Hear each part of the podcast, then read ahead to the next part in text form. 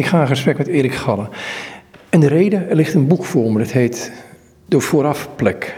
Een therapeutisch en monastiek traject. Het is een boek uitgegeven bij uitgeverij Halewijn in Antwerpen in samenwerking met uitgeverij Adveniat in Baren. Um, nou ja, Erik, allereerst het boek, hè?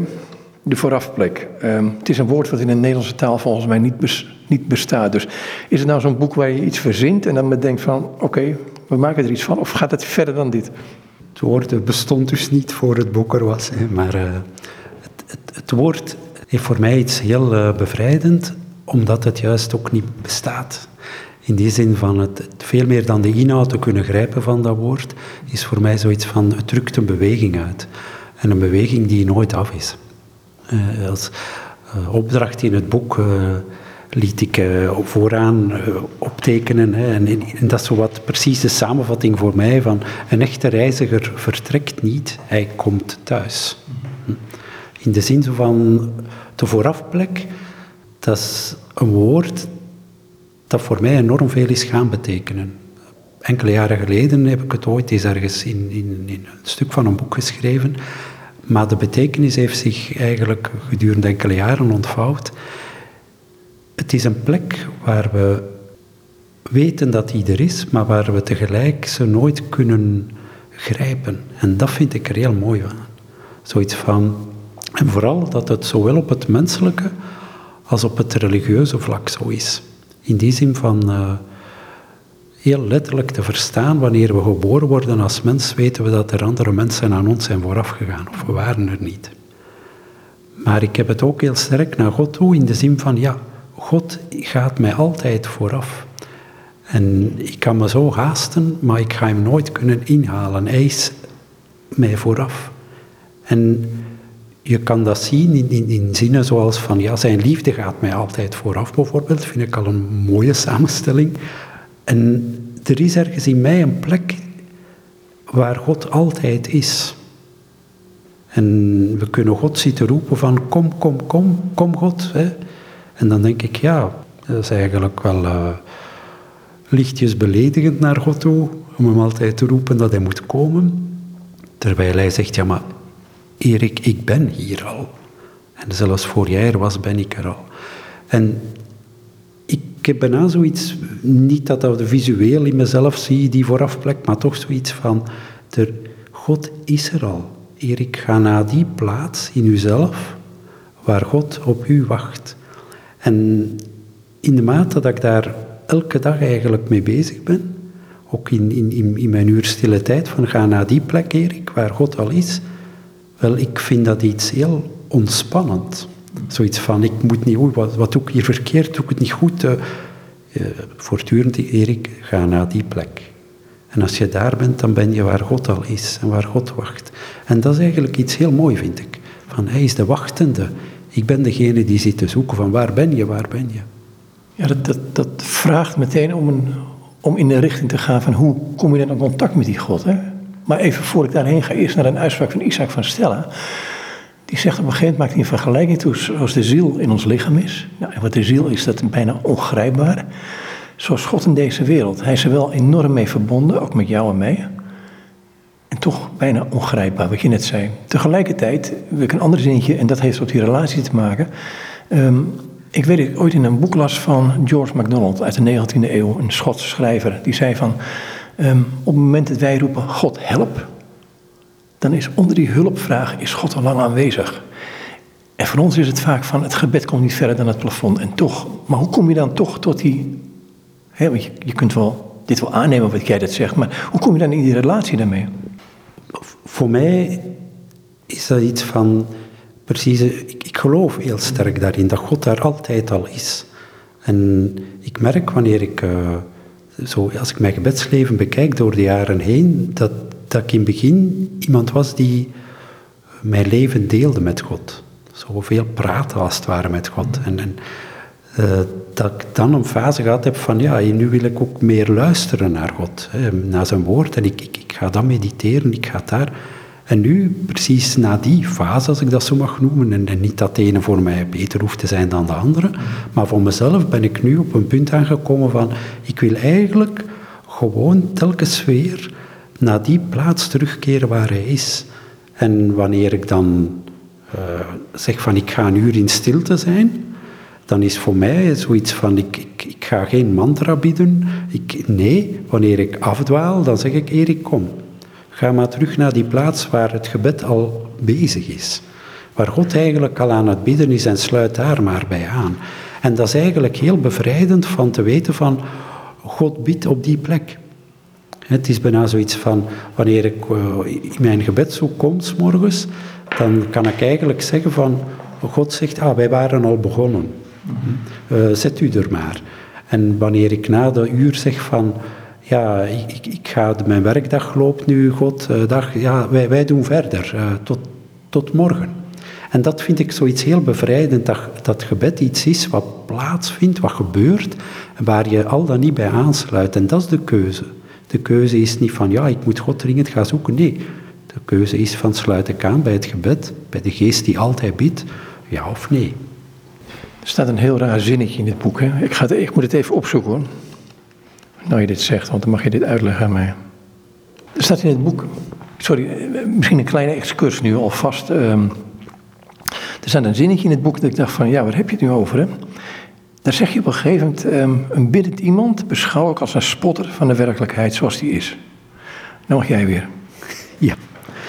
Wel, en ik zat daar met in mijn achterhoofd, wanneer ik die, die zin schreef, eigenlijk een, een vogelspotter. In die zin van iemand die zich midden in de natuur begeeft en die eigenlijk weet van wanneer ik hier stil blijf, dan ontwaakt die natuur en ik word als het ware, ik maak er deel van uit. En het mooie is, wanneer je dat doet, wanneer je in, in een bos uh, gaat zitten en echt stilhoudt, dan ga je dingen zien die je tevoren niet zag, maar die er wel waren. En ga je ook vogels, gaan u meer en meer beschouwen als een onderdeel van de context.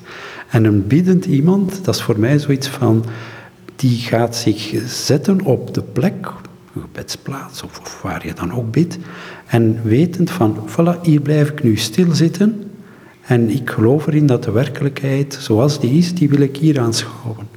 En dan ga je merken van dat, er, dat die werkelijkheid, die doods leek, dat die eigenlijk tot leven komt. Dat er leven verscholen is in, in dat bos, hè, dat, dat, dat je tevoren niet zag. Maar, en, en dat is het mooie, vind ik, zo van bijna van de stilte is uw camouflagekleur. Hm? Zoiets van, want je moet daar niet in uh, heel opvallende kledij in een bos gaan zitten, want dan heeft elke dier door van hier zit iets wat hier niet thuis hoort. Maar je gaat, uh, een echte vogelspotter die gaat camouflagekleuren dragen. En voor mij als bieder is, de stilte is mijn camouflagekleur. En als ik dat als een soort mantel aantrek, dan ga ik als het ware op in de omgeving. En dan maak ik er deel van uit en kan ik in alle rust gewoon kijken en geduld hebben. Want een vogelspotter, als die geen geduld heeft, dan werkt het ook niet. Ja, dit is een andere spotter dan dat ik in gedachten had. Ja, ja, ja, ja waarschijnlijk, misschien. Ja. Nou ja, ik las het verkeerd. Um, maar goed, ik wou een stukje gaan, uh, gewoon een paar stukjes uit dit boek pakken. Want ik, um, over de monnik schrijf je daarin. Um, maar je mag het zelf even lezen hoor, de eerste drie. Well, je mag het hele gedicht lezen, maar gewoon hier vandaan. Wij hebben God aanschouwd, hij is hier geweest. Mensen hebben hem aangeraakt. Wat hij gezegd heeft, is tot ons gekomen. Meer hebben wij mensen niet nodig om macht over hem te hebben. We interpreteren, we maken beelden van hem die we aan de man brengen als zijnde het origineel. Becommentarieer het maar, want dat is misschien ook een van onze grote dilemma's van deze tijd, denk ik. Ja, het woord dat we met God bijna nooit verbinden, dat is kwetsbaarheid. En ja, we, ik zal nooit zeggen dat God alleen kwetsbaarheid is, maar hij is ook kwetsbaar omdat hij liefde is. En dat is iets dat we precies zo van, dat stoort ons. Terwijl ik dat zo logisch vind. Wanneer ik tegen iemand zeg van, ja, ik zie u graag, en die persoon zegt, ja, ik u niet, dan, uh, ja, dan sta ik daar netjes. Ik bedoel, dat kan ik, ik kan iemand niet dwingen om mij graag te zien. God kan mij niet dwingen om hem graag te zien, of het zou geen liefde zijn. En juist in de kwetsbaarheid van, of ik al dan niet tegen God zeg van ja, ja, als God zegt, Erik, ik zie u graag, ik zeg ja, het is wederkerig. Oh, ik kan ook zeggen, God, laat me gerust, ik heb wel wat belangrijker dingen te doen dan dit. En je moet me niet blijven lastigvallen. Nee, het, het gaat nooit lukken tussen ons. Kan ik ook zeggen tegen God. En er gaat, een boom gaat niet op mijn hoofd vallen daarom, versta je? Dus, dus die, die kwetsbaarheid is fundamenteel en is eigenlijk iets heel mooi. Want wanneer ik in alle vrijheid tegen God zeg, wel, dat is nu de vijfde keer dat jij dat zegt, dat je mij graag ziet, en dank u dat je het niet opgegeven hebt, ik u ook. Dat, het is als het ware zo van, uh, de, ring van het verbond wordt gesloten. Het is zo van, van de, het antwoord maakt eigenlijk, uh, vraag en antwoord, uh, oren bij elkaar. En, en, God kan altijd maar een, een, deel, hij kan niemand dwingen. En dat, dat, is, dat is een soort kwetsbaarheid die ik eigenlijk hemels vind. Ik weet, C.S. Lewis heeft over dat maken van. We maken onze voorstelling van God, of we, we hebben een ontmoeting met hem gehad, dat we proberen vast te houden. Of, en hij zegt: het kaartenhuis dat op een gegeven moment stort in elkaar. Dus het beeld vasthouden, is dat een gevaar wat hierin zit? Ja, en tegelijk denk ik dat we als mens altijd wel beelden zullen maken. Hm? Voorstellingen. En ik vind dat op zich ook niet zo erg. Het, het vreemde zou zijn wanneer ik uh, zou zeggen van ja, hoe ik over God dacht en welke beelden ik eigenlijk construeerde, moesten die heel mijn leven hetzelfde zijn, dan zou ik zeggen, hm, dit klopt niet. Want een beeld is eigenlijk voor mij zoiets van, uh, zet, zet honderd foto's naast elkaar en je hebt nog niet wie God is. Dus als je bij eentje blijft heel je leven, dan denk ik, oh, dan mis je wel ontzettend veel. Ik heb zo in het boek schrijf ik ook die zin zo van, een monnik ontdekt dat het beeld dat hij van God heeft, dat daar een achterdeur in is. Dat, dat God altijd uit het beeld ontsnapt. En, en, en dat vind ik zoiets van, je kunt hem nooit grijpen in dat beeld. En het belangrijke bij beeldvorming is het besef van, ik heb altijd maar een facet van wie God is in het oog op het moment. En ik vind dat dus ook niet erg, maar het is maar dat je weet dat die achterdeur open staat en dat je God, als van het moment dat je zegt van nu heb ik hem, ik doe die deur op slot, ja, is, is gewoon, die kan je niet op slot doen. God ontsnapt altijd. En dat is het, sterke van God, dat hij ja, een meester Houdini is. Hij ontsnapt altijd. En, en, en in de mate dat wij ons aan dat beeld hechten, gaat zijn ontsnapping ons meer en meer door elkaar gooien. Ja, in de mate dat we zeggen, ja, wat ik over God denk en weet en, en een beeld dat ik heb, is eigenlijk fragmentarisch, is maar een stukje van hem. Dan kan ik ook zeggen, oké, als er dan een ander beeld komt, ja, komt er een ander. In het boek hè, heb je dus twee bestaat het, drie, staat het meer delen, maar drie delen moet ik, kan ik het grosso modo verdelen. Een, een therapeutisch, een monas, monastiek traject. En dan komen die twee bij elkaar. En dan begin je met een stukje wat jou op een kop gezet heeft eigenlijk. In dien tot niets staat erboven. Vier voor de prijs van twee, riep iemand. Bij een ander was te lezen dat er grote kortingen waren omdat het de laatste stuks waren. Alles is vers, hoorde ik gewoon terwijl ik de markt achter mij liet. Helemaal afgescheiden stond God. Ik vroeg hem wat hij daar deed. Ik hoor niet thuis in heel die handel, zei hij, en hij zweeg. Ik zag hem denken, maar zweeg ook. Wat kom jij hier doen? vroeg hij. Ik zag dat je hier alleen stond, was het enige dat ik kon zeggen. Ik doe niet aan producten, ik heb niets te verkopen, prevelde God. Weet je, zei hij, ik dien tot niets. En dat is een probleem. Even dacht ik dat hij het niet meende, maar hij was doodserieus. Ja, zei hij, mensen vergeten mij. En ik dwing hen niet om naar mij te luisteren, daar geloof ik niet in. Mensen kunnen me ook niet voor hun kar spannen, daar doe ik niet aan mee. Maar wat doe je dan eigenlijk wel? vroeg ik aarzelend. Ik ben er altijd. Ik luister altijd en ja, dat allemaal omdat ik liefde ben. Het ging me door merg en been wat God vertelde. Het was allemaal zo oprecht, dat voel je. In mij groeide de aandrang om voor hem op te komen. Dit kan toch niet, zei ik.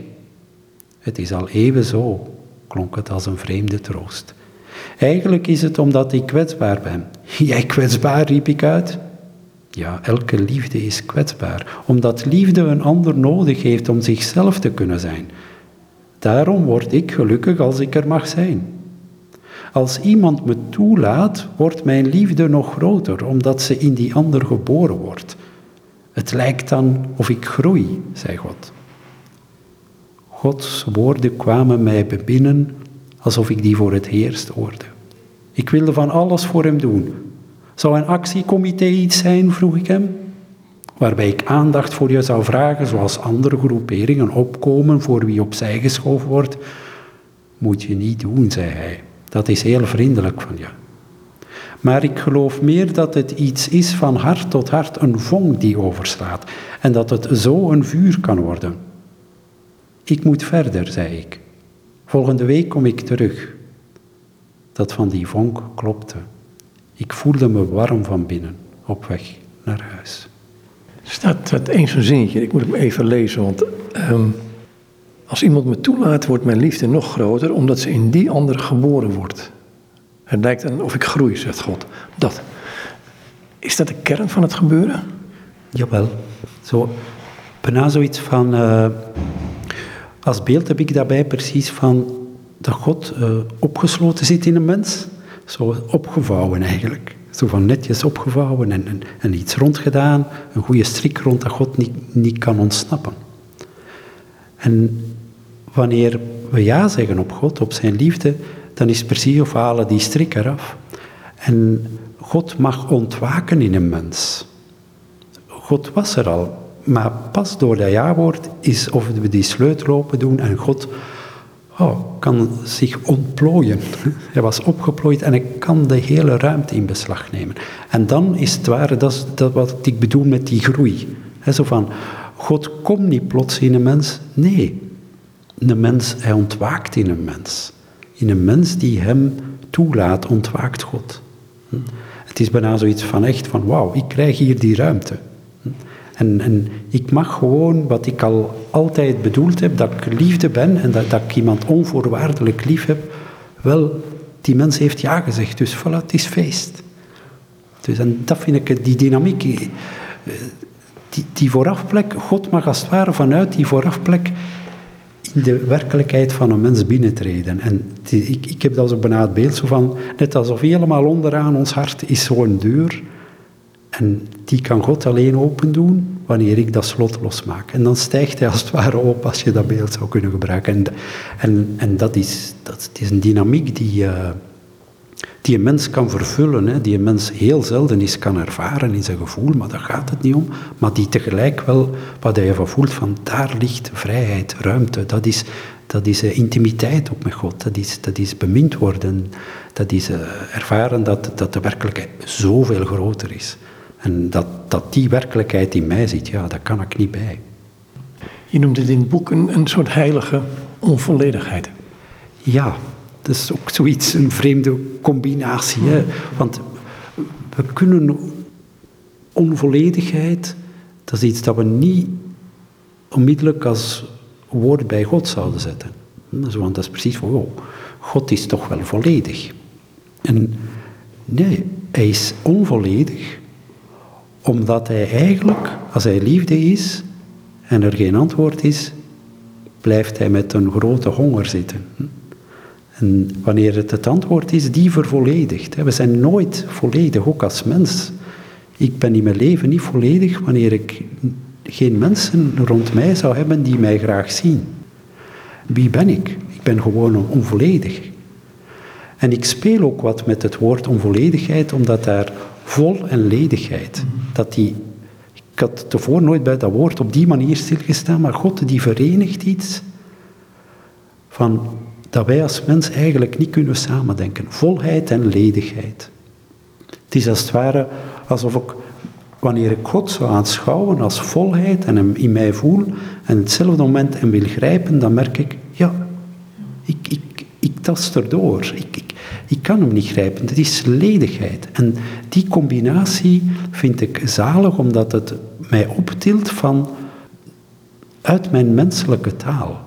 Uit de grenzen van mijn menselijke taal wordt ik opgetild en zegt, wel, God is juist de combinatie van wat ik zelfs niet kan denken, volheid en ledigheid. Hij is volledigheid. En dan staat het, die mooie term, nogmaals hoor, ehm, als iemand me toelaat, wordt mijn liefde nog groter, omdat ze in die ander geboren wordt. Dat is zeker een andere term die je zelf ook gebruikt in het boekje in het deel. Tegenover, dat is zelfontplooiing. Ja, ik, dat, dat is deze maatschappij. Ja, ik, ik, ik, uh, ik geloof niet in het woord zelfontplooiing. Zoiets van, ja, dat, dat, eh, ja, je begint bij jezelf. Ik, denk, nee, er is altijd iemand die je vooraf gaat. Het is, je moet eerst aangesproken worden voordat je zelf kan spreken. Ik bedoel, in het begin van het boek heb ik het over de taal ook. En zoiets van, hoe, hoe een mens opgroeit is eigenlijk, wordt voortdurend eerst...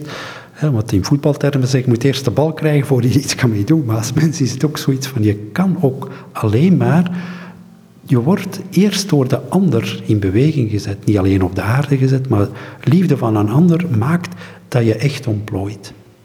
Zelfontplooiing roept voor mij het beeld op bijna van in een laboratorium, waar dan uh, aan de deur een grote, uh, in grote letters zou staan work in progress, zoiets van ik ben hier mezelf aan het ontplooien. En ik denk, oh, how ridiculous. Zo van, hoe belachelijk is dat niet eigenlijk? Zo van, precies of ik ik, ja, ik, ik vorm mezelf. Ja, dan heb ik altijd het gevoel van zo, ah, dat voelt heel beklemmend. Zo van de, de nadruk op het zelf uh, kan er pas zijn wanneer de ander uh, mij aanspreekt, wanneer de ander mij ziet, wanneer de ander mij doet bestaan, dan besta ik. Goed, het staat ook enigszins haaks op, en het stip je gelukkig ook aan in het boek, een soort wetenschappelijk wereldbeeld. Alsof dat alles verklaart. Zeker en vast. En dat is zoiets van, ja, uh, we kunnen alles ontwerpen, ook de mens. Hè. En, en, en, los van alle ethische kwesties is het gewoon bijna zo, ook in psychologische zin, van uh, je kan alles, uh, ja, je, moet maar gewoon je best doen hè, en, en, en, en ontwerp jezelf en je zelfontplooiing en wat voor een mogelijke en totaal onmogelijke cursussen en, en vormingsdingen, initiatieven zijn er niet om jezelf te maken. En dan denk ik, ja, uh, waste of time en waste of money vaak ook. Dus van, dit, dit, dit is niet, nee, de, ik kan daar, de, dat is een contradictio voor mij, de zelfontplooiing. Uh, en het kadert inderdaad in, in bijna wetenschappelijk aanvoelen van uh, wij hebben de ander niet nodig. Hè? En ik, ik, heb zo het gevoel, er worden een, twee termen worden synoniem gemaakt die het eigenlijk niet zijn. Het woord zelfstandigheid, ik, ik kan op mezelf staan als ik recht sta, letterlijk. Maar dat wordt tegenwoordig bijna het synoniem van zelfgenoegzaamheid. Ik ben mezelf genoeg. En dat lijkt een ideaal te zijn. zo van, in de mate ik mezelf genoeg ben, dan ben ik ontplooid. En ik denk, ja, dit wil ik niet. Ik wil niet zelfgenoegzaam zijn, omdat ik weet dat ik het niet ben. Dus dat is mijn streven niet. En ik kan daar niet in meegaan. Ik geloof daar niet in. Ik citeer in het begin Isaac van Stellen van God als de ziel van deze wereld. Ik zeg het een beetje plat nu. Is dat ook een van die problemen die ik signaleer in het boek? Dat mensen dus los van God zijn komen te staan en dat niet meer accepteren. Dus eigenlijk een soort semi-objectieve kijk op de werkelijkheid hebben. Dus dan, dan kom je uiteindelijk ook met gebed uit. Hè, zo. Ja, dus als, als mens, wanneer je jezelf helemaal in het centrum zet, hm, ja, dan, dan, dan rust er wel een enorme last op je schouders. Hè? Want ja, dan moet je alles zelf bedenken, alles zelf... Uh, hè? Niet, niet, niet dat God alles voor jou zal doen, daar, geloof ik ook helemaal niet in, dat bedoel ik niet. Het is niet in die tegenstelling, maar je gaat inderdaad uh, de hele werkelijkheid objectiveren en ik zou bijna zeggen, het is geen tegenstelling, maar voor mij bijna, je moet de werkelijkheid relationeren, als dat woord zou bestaan. Dus de hele werkelijkheid eh, steunt op relaties, op verbondenheid, op, uh, op, ja, op, op, is een groot weefsel. En dat vind ik iets heel anders. En dat is zoiets van, hoe ga ik in dat weefsel staan? Van het moment dat je dat zegt, relatie, dan besef je van, oh ja, we zijn minstens met twee. en eigenlijk met veel meer. Dus, en ik maak deel uit van een hele keten van relaties, waardoor ik eigenlijk geworden ben wie ik nu geworden ben. En dat is een heel andere dynamiek.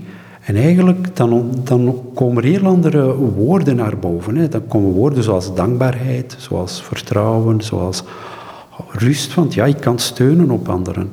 Dat, dat, is een heel andere, zachtere dynamiek dan ik moet het hier maken. Ik moet het hier maken en de rest is eigenlijk mijn concurrent. Je zegt over het gebed, en daar wil ik naartoe, um, dat het gebed ook een verandering in jezelf teweeg brengt als je gaat bidden. Oftewel, je kijkt anders naar de werkelijkheid. Je noemt het spot op een gegeven moment. Maar je noemt het voorbeeld als um, Jezus op de berg, hè, daar Mozes en Elia ontmoet. Um, je zegt nou, het is alsof de, of de apostelen die bij hem waren, de drie dacht ik, voorbij deze werkelijkheid kunnen kijken in, in de echte werkelijkheid. Ja, ik, men zegt zo van de gedaanteverandering. En ik, ik houd niet van dat woord. In de zin van, ik, ik was er niet bij op dat moment, hè, dus maar ik kan alleen maar zeggen... Ja, dat is dat wel gerust. ja, ik kan alleen maar zeggen, voor, voor mij heeft het zo van, Jezus is niet van gedaante veranderd. Maar, wat is er wel gebeurd, denk ik, dat, dat de drie die erbij waren een dieptezicht kregen. Wat ze in het gewone dagelijkse leven niet zagen. Ze zagen en ze mochten zien op dat moment wie Jezus ten diepste was. En wie verandert dan van gedaante misschien, zij die het zagen. Hè? Omdat ze iets zien wat voor hen verborgen was. Maar, waarom houd ik daar zo van, van die passage? Het was er wel. Die voorafplek was er. Ze konden ze niet zien. En op dat moment hebben ze ze even mogen zien. En dat heeft hen veranderd. En, en, en dat, dat, is altijd de dynamiek, vind ik, van uh, een werkelijkheid die er al is, die je bij een moment mag aanschouwen. En we zullen daarom ook spreken zo van een verlicht iemand gebruiken we in terminologie. En voor mij is dat niet van, wauw, dat is een heel bijzonder. Nee, dat is iemand die eigenlijk in zijn leven al een blik heeft mogen werpen op het licht dat er altijd al was. En daardoor is er dat licht eigenlijk ja, gaan schijnen. En dan noemen we, die heeft het licht niet uitgevonden. Nee, die heeft het toegelaten en heeft het mogen zien. Dan moet ik denken aan wat een dominee me ooit zei. Hij zegt, ik heb Jezus tijdens mijn predikantschap ontdekt. En in wezen kwam ik toen achter de theologie vandaan. Is het iets ook, als ik dit boek lees, misschien word ik te persoonlijk, wat met jou gebeurt, dat hij op een gegeven moment achter de theologie vandaan komt. Misschien wel achter, ik wil het niet oneerbiedig zeggen, misschien achter de hostie vandaan, of achter het brood en de wijn, maar meer in het woord, in het breken van het brood en de wijn. Of het breken van het brood en het drinken van de wijn het, het, gaat, als ik de vraag hoor, voor mij over dat dieptezicht. Hm? Dus eigenlijk zoiets van de, dat je ziet voorbij wat dat je ziet. Hm? Omdat je weet dat alles wat je ziet iets laat zien, maar tegelijk ook de diepere werkelijkheid verbergt. En van het moment dat je die bril opzet, zie je de werkelijkheid ook anders. En ga je zelfs in het breken van het brood en de wijn, ga je niet zien wat je ziet. Je ziet wat je ziet, vanzelfsprekend. Maar je weet dat je eigenlijk de diepte niet ziet en dat het daarom gaat. En, en, en dat is wat, wat een mens trekt, vind ik. Je wordt eigenlijk getrokken naar datgene wat je voorbij het materiële zich bevindt, maar waar je van weet, van dit zal ik niet zien. Maar sommige zaken zijn als vensters. Hè, wat je weet van er is een gordijn, maar eigenlijk wat er zich achter bevindt zie ik niet, maar ik ben er 100% zeker van dat het er is. Krijgt Jezus daarin een centrale plaats? Voor mij wel, vooral dan omdat in hem de mens, als ik wie mij ziet, ziet de Vader. Dus als je naar de mens kijkt, krijg je God de Vader te zien. Dus als je naar Jezus kijkt, dus en die doorkijk die Jezus is, dat vind ik, brengt ook heel sterk eh, samen wat, wat ik juist zei, zo het materiële, het, het heel menselijke.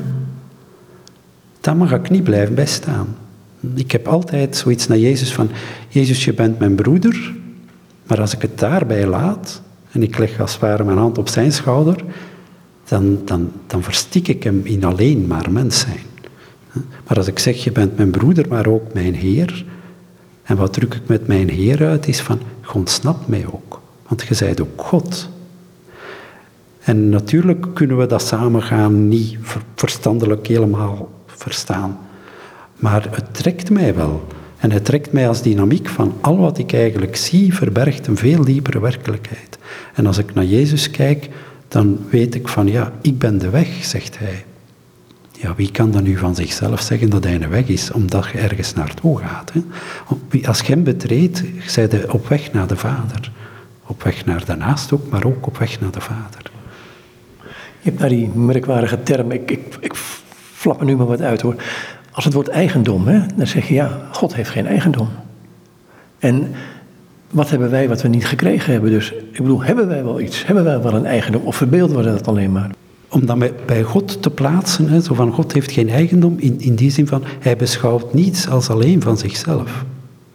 En we zeggen dat God liefde is wel als hij de relatie die hij is, volledig, als we dat volledig doortrekken, hij is liefde, hij is relatie, dan is niets van zichzelf alleen. Er is niets dat God zegt, dat is nu van mij alleen. Want als hij dat zou zeggen, zou het voor mij mijn denken niet zijn van, ja, maar ja, zei er nu helemaal liefde? Nee, God zegt, ja, zelfs ik deel alles wat ik heb. Alles wie ik ben, ja, is er om te delen. En dat is dezelfde basisdynamiek van, ik ben eigenlijk uitnodiging. Zo van, uh, ja, wij mogen in alles delen wat. En dat, dat, dat is bijna, als we dat durven toelaten, eh, bijna zoiets van ga van mij weg, want ik ben een zondig mens. Dat gevoel van, ik, wie ben ik om in u te mogen delen, God, om in, het goddelijke leven te mogen delen. Jij weet toch wie ik maar ben. Maar tegelijk zeg maar, ik ben delen. Ik, is, dat is mijn eigendom niet, zelfs wie ik ben. Ik wil er zijn voor u. Bedoel, dus het is nooit God op zich. Dat, bestaat niet. Ik weet, in het Jodendom is een heilige, als ik het goed vertaal iemand die zegt van alles wat van mij is, is van jou.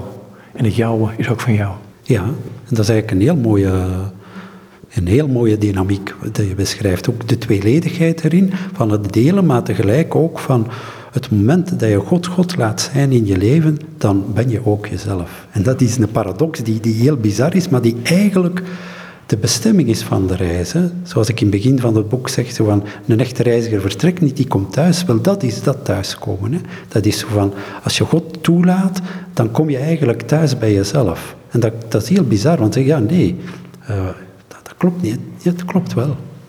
Dat is nog een ander aspect, um, wat je in het boek naar voren brengt, en daar hou ik wel van. Um, is gewoon het beeld wat wij van God hebben en de manier waarop wij beseffen dat God naar ons kijkt. Ik, ik noem een voorbeeld. Um, we hebben de neiging te zeggen, wij zondaars, de, de, kerken hangen er vol mee.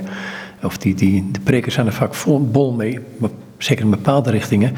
Terwijl als ik Paulus hoor, die, heeft het, hè, die schrijft een brief aan de heiligen in Christus in Colosse. Niet aan de zondaars in Colosse, nee, aan de heiligen. Dus de heilige in Antwerpen, de heilige in Brugge, de heilige in Bunschoten, in Amersfoort, noem het maar. Ja, en dat is, zo waar ga je de, de klemtoon opleggen. Hè? Zoiets van. Uh, en, ik merk, er, er heeft mij enkele jaren geleden iets on, onvoorstelbaar diep geraakt. En dat was in een context van een biechtgesprek dat ik had met iemand ouder, die eigenlijk voor, die wist dat zijn levenseinde dichtbij was en die wilde zich verzoenen met God. En ik was ontsteld door de Ten eerste de pijn waarmee die persoon iets verwoordde. Ontsteld door de enorme opluchting die ik ervaarde. Maar tegelijk had ik het gevoel van, oh arme, die mens heeft daar heel zijn leven zo onder geleden, terwijl ik iets had van, oh, is dat nu zo erg? Hm, mijn spontane gedachte, zoiets van, dus de zwaarte van de zonde heeft die mens heel zijn leven een kromme rug gegeven. En ik had iets, dit vind ik afschuwelijk. Zoiets van, dit kan Gods bedoeling niet zijn. Hm? En uh, die, dat, dat is zo'n beeld dat ik nooit vergeet. En, en voor mij heeft zoiets van, uh, ik kan van mezelf perfect zeggen dat ik een zondaar ben. Ik heb daar geen moeite mee. Maar dat is niet het eerste dat ik van mezelf zal zeggen. En waarom niet?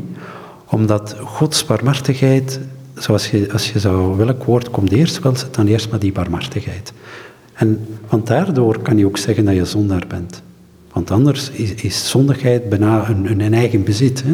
Zo van iets waarmee je, sorry voor het woord, bijna uitpakt. Hè? Het kan ook een stuk veiligheid, schijnveiligheid geven. Ja, want, want uiteindelijk is het veel moeilijker om barmhartigheid eerst te zetten en zeggen van God, ja, hoe jij in staat bent, God, om mij te vergeven, dat versta ik niet. En dat is veel moeilijker dan om mij op te sluiten van ja, ja, maar ik ben maar arm klein en ik ben een zondig mens. Dus daar het evenwicht, het goede evenwicht in zoeken, want ik wil dat niet wegduwen hoor. Maar daar, die zoektocht vind ik bij het...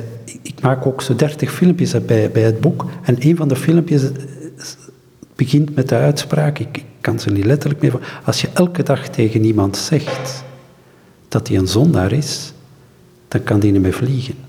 Zeg je elke dag tegen iemand dat Gods liefde zoveel groter is, wel, en de wereld is te klein. Dus het gaat er niet om dat het niet of het een of het ander is, maar zo van waar durf je de, het zwaard, het, het gewicht opleggen. Hm? En je kan perfect, denk ik, uh, zondaar zijn, en, maar u eerst en vooral helemaal bemind weten. En dan ben je pas echt een, een beminde zondaar. Is, is, is in dat hele bemind zijn het ook uh, goed om een blik te hebben op de drie eenheid, op de Vader, Zoon, Heilige Geest. Want ik, ik vind het een heerlijkheid dat ik in een beweging, een liefdebeweging opgenomen word. Zeker en vast, jawel. Want voor mij is uh, de drie eenheid eigenlijk de sleutel van het leren verstaan dat relatie het fundament is. In God God is in wezen, en dat kan wel wat, zwaar en moeilijk klinken, maar is in wezen eigenlijk een relatie. Dus, en dat is het mooie en dat is ook het bevrijdende. Hm? God is. En het mooie vind ik ook dat God daarom altijd zelf ook in beweging is. Hm? Dus van. Wij. En ik speel ook op een bepaald moment in het boek met, met die termen: hè, God is of God wordt. En wij houden het gemakkelijk op God is. En ik denk, ja, hij is zeker. Maar God wordt, dat vind ik veel, dat vind ik iets zalig.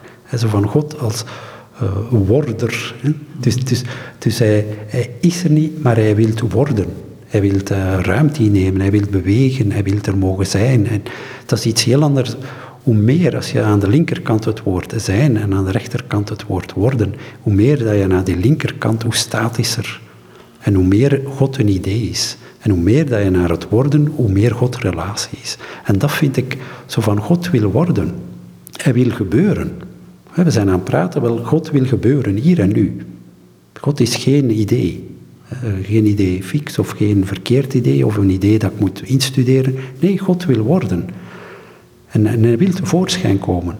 En, en die dynamiek is, is, is eigenlijk een zalige dynamiek. Waarom hebben wij toch de neiging Heel, ik heb streng gezegd, ik vind een van de meest ontluisterende dingen, en ik bedoel het in het goede zin van het woord, wat God ooit mij duidelijk heeft gemaakt, wat de manier ook is van, ik hou van je, punt. Daar kun je bijna niet mee overweg. Een komma is een stuk makkelijker, met, met iets erachter. Wat is dit in ons wat, wat zo'n weerstand biedt? Eigenlijk weet ik het niet. Ik bedoel daarmee zo van, ik, ik kan alleen maar vaststellen hoe moeilijk wij het hebben met de onvoorwaardelijkheid van liefde. Ik eh, heb het in het boek zo van God, Gods liefde is zonder omdatten. Wij, wij, wij, zijn groot geworden als je braaf bent dan, als je goed je best doet dan, als je als dan. En, en, maar liefde zit niet in dat als dan verhaal. Bij God is dat niet zo. En dat, dat, dat is van het moment dat ons dan niet verwondert, dan moeten we langer bij stilstaan. Want dit is enorm wereldschokkend eigenlijk. In onze eigen microwereld is dit wereldschokkend. Hè? Want we worden bemind zonder dat we het verdiend hebben. En dat, dat denk ik, ja, maar ja, nee, dit is fundamenteel anders. Uh, want anders ga je denken, ja, maar misschien God, hè, want ik heb nu toch enorm mijn best gedaan, dus je ziet mij wel graag. Ik wil zeggen, maar ik zag u al graag, dank u wel dat je uw best doet, maar, maar dat, dat is eigenlijk een, dat is zo een, het economische wordt er zo uitgehaald. En, en ik vind dat heel bizar te merken hoe zelfs in het relationele het economische meespeelt. Daarna zo van, ja, ja, ja, natuurlijk dat je mij graag ziet. Ja, ik heb ook heel mijn leven mijn best gedaan voor u, God. Dan denk ik, ja, sorry, dit. De, de, en, onvoorstelbare kracht van het voortdurend doorbreken dat de liefde ons vooraf gaat. En dat bedoel ik ook met de voorafplek. Hè. Die liefde is, Gods onvoorwaardelijke liefde is onze voorafplek. Maar we kunnen aan die plek niet geraken, tenzij we voortdurend terug dat afleggen van, ja maar God zal mij graag omdat. En daarom, ja God, ik versta het. En oh nee, maar ja, ik ben eigenlijk te klein dat je mij graag zou zien. God, ik zie u gewoon graag. Zit daar die tegenstelling in van uh, je leven verliezen om het te vinden? Zeker. Ja, want anders... Uh, het gaat er niet in om letterlijk uw leven te verliezen. Het gaat erin om de kijk op uw leven anders te laten zijn. Dat eigenlijk de klemtoon van waaruit je naar je leven kijkt, dat die vanuit Gods blik komt. Vanuit Gods onvoorwaardelijke, liefdevolle blik. En dat is, dat is een, een totale ommekeer. dat is, ik laat, ik verlies mijn zicht op het leven, omdat ik Gods zicht op mijn leven toelaat.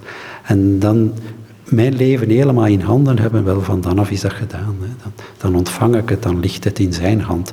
Dan ligt het in onze hand, als ik het zo mag zeggen. Is dat ook het, het, het verwezenlijke bijna, of het tot in wording komen, laat ik het zo maar zeggen, van een liefdesrelatie? Want je hebt het over twee personen, misschien wel vier personen in dit geval, als je het over de drie eenheid hebt, die elkaar volkomen lief hebben dan. Ja, en dat is zo van... Uh, het is niet toevallig dat, dat men, men zal bijvoorbeeld een triniteitsicoon hebben. Hè. En men zegt dan wel eens zo van, dat er, men zit rond de tafel daar en er is altijd plaats open aan de voorkant. En dat is eigenlijk zo van, wie al binnen de triniteit betreedt, wel, er is een plaats open altijd. En wat, als je die plaats inneemt, dan wordt in de plaats van het een driehoek, wordt het een kring. En je wordt mee opgenomen in die beweging van eeuwige liefde. En voortdurende uitwisseling van liefde in God, dat is voor mij het gebed in God. Want wat is bidden? Bidden is eigenlijk liefhebben. En in God heb ik het gevoel, als ik daarover denk dan, ja, wat, ga naar het gebed dat al bezig is, dan is het van, eigenlijk betreed de liefde in God die al bezig is. En die altijd duurt. Dat is toch dat, dat, dat die autonome persoon in mij die wat heel ongeneeslijk kan zijn. In die zin van, het noem je bij een monnik van. En dan lees je die parabel of die gelijkenis van die tollenaar en die uh, fariseer. Die tollenaar die slaat zijn, zijn ogen op te slaan. Die zegt, heer, wees mij zondag genadig. En die fariseer zegt, ik ben blij dat ik, niet, ben zoals die tollenaar. En dan zeg ik wel eens, wij denken dan heel stiekem, ik ben blij dat ik niet ben als die fariseer. En dan denk ik, oei. Ja, het is verleidelijk om dat te denken, want het is zo van, we, zitten bij de goeie, want ja, we, noemen ons zondaar. Uh, maar het, het, het, moeilijke is, die, die fariseer, dat is zo een figuur die we moeten afleggen, maar die op een of andere manier via een achterpoortje terug binnenkomt. En, en dat is ook zoiets van, eigenlijk, uh, dat komt geregeld ook in het boek, ons ego. Ons ego op zich is niet slecht, hè, want ons ego maakt dat we zijn wie we zijn. Maar alleen vanuit het ego vertrekken, ja, dan loopt het verkeerd. En, en dat, daar staat eigenlijk de fariseer voor. Van, ja, als je alleen op jezelf steunt, ja, dan moet je maar zorgen dat je beter bent dan de anderen. Hè? Dus als je jezelf beeld volledig bij jezelf moet vertrekken, ja, dan, dan moet je jezelf groter maken dan dat je bent. Hè? Van, ja, oh, zie maar eens, zo die enorme tollenaar die daar zit, kijk eens naar mij, ik heb het en eigenlijk, wat de, de, de fariseer als oerbeeld ook heeft, hè, is van, het is eigenlijk perfect voor iedereen mogelijk, denkt die fariseer. Je moet gewoon de regels volgen. Ik doe het, maar jij kunt dat ook. Maar je moet gewoon streng zijn. En je moet dus, allez, je moet echt, en dan, dan ben je ook volledig in orde. Het is eigenlijk een deal. Hè? Zoiets van, geef mij zoveel regels, ik volg die allemaal, dus ik ben een goeie. En bij God werkt dit niet. Een soort heilige moed bijna. Hè?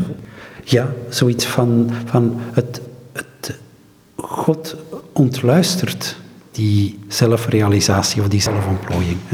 Dus hij zegt, nee, zo werkt het niet bij mij. Het boek heeft als grote irritatie, ehm, zeg ik even heel ondeugend, dat er geen eind aan zit.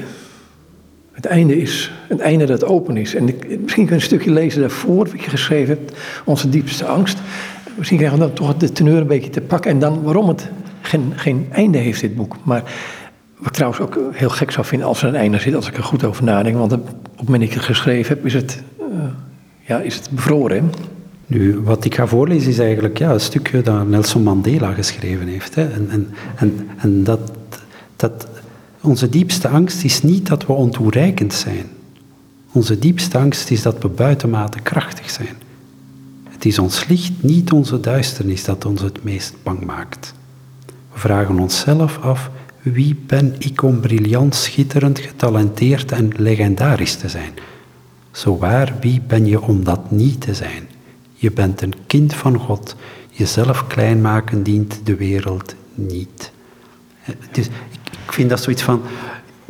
Ik heb dat gekozen, dat stukje, omdat ik het zo tegengesteld vind aan het beklemmende van, van, van, van exclusief als, zich als zondaar op te stellen. Hè. Dus het is bijna zoiets van, durf ook te geloven dat als God in jou ontwaakt, ja, dat dat licht ook moet schijnen.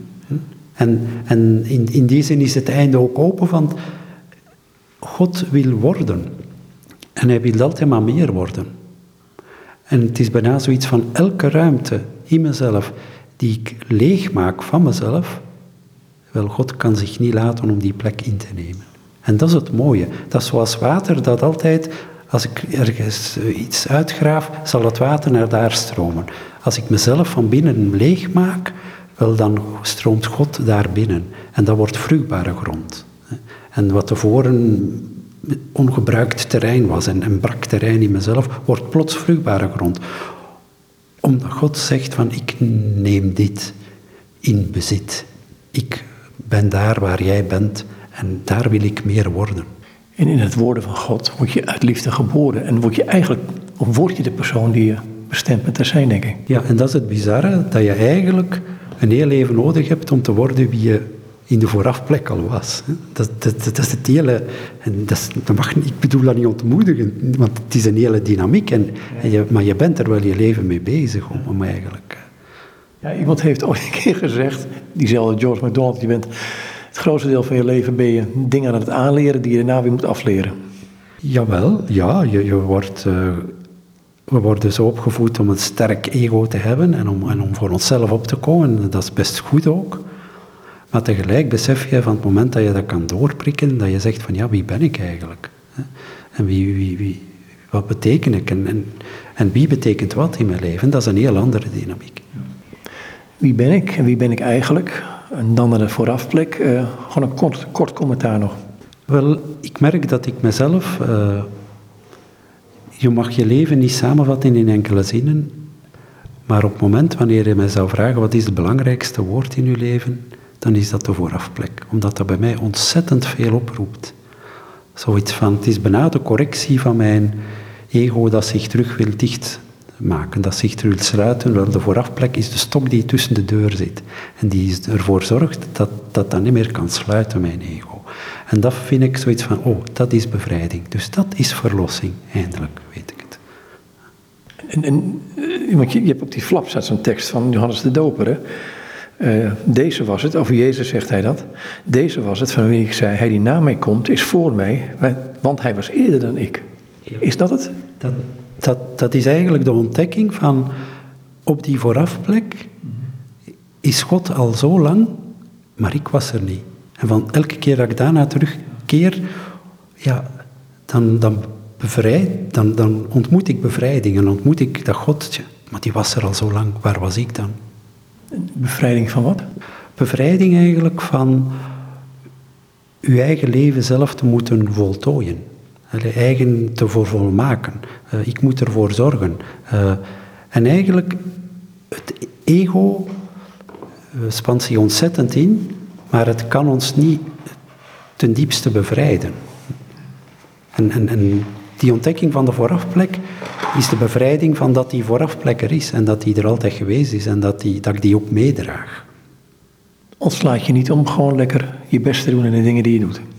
Nee, nee, helemaal niet. Ja. Bedoel, uh, het is juist vanuit dat contact ermee dat je, dat je voelt van, ja, uh, we gaan hier uh, de dingen laten gebeuren en we gaan ervoor gaan, maar niet om mezelf hier te presenteren, maar van God, als jij wil worden, Uh, ik ben een van de vele ruimtes waarin je... En word maar. Lijkt me ook, dankjewel. Dank u wel ook. En dit is Erik Galle en met hem was ik in gesprek over het boek De Voorafplek. Een therapeutisch en monastiek traject. Ik moet er nog bij dat in het boek materiaal zit om de inhoud te ervaren en te verdiepen. En er is toegang tot een digitaal traject. Oh, ik mag even uitleggen, want je hebt een aantal films gemaakt die mensen dan kunnen bekijken op het... Het uh... Ja, ik had het gevoel van, ik, ik heb het eh, in de ondertitel over het therapeutisch en monastiek traject. Wel, laat, laat de mensen dan maar eens een traject afleggen. In die zin heb ik dertig filmpjes gemaakt en in, in het boek bevindt zich dan een inlogcode. En dan kan je eigenlijk elke dag een filmpje van twee, drie minuten ontvangen, waar je een traject kan afleggen. En waar je zelf zal ervaren van, als je dat dertig dagen doet, gaan bepaalde woorden, bepaalde termen, juist door het beeld, ook wel dieper in je komen wonen. Goed, nogmaals bedankt voor dit gesprek. Ehm, hier kun je eindeloos over doorpraten. Ja, voor mij vat het heel veel samen in mijn leven. Dit, ik heb zo het gevoel van wat ik tevoren geschreven heb en wat ik tevoren ook gebeden heb en gedacht heb, wel, nu ben ik op de plek gekomen. Dat was precies van, hier moest ik zijn. En over een jaar is dat waarschijnlijk weer anders. Ja, maar de voorafplek zal, die ga ik, nee, dat blijft, dat is een blijver. Goed, en dit zei Erik Galle. En nogmaals, ik was met hem in gesprek over het boek De Voorafplek. Een therapeutische monastiek traject. Een uitgave van uitgeverij Halenwijn in Antwerpen en in samenwerking met uitgeverij Adveniat in Baren. Goed, nogmaals, tot zover dit gesprek met Erik Galle.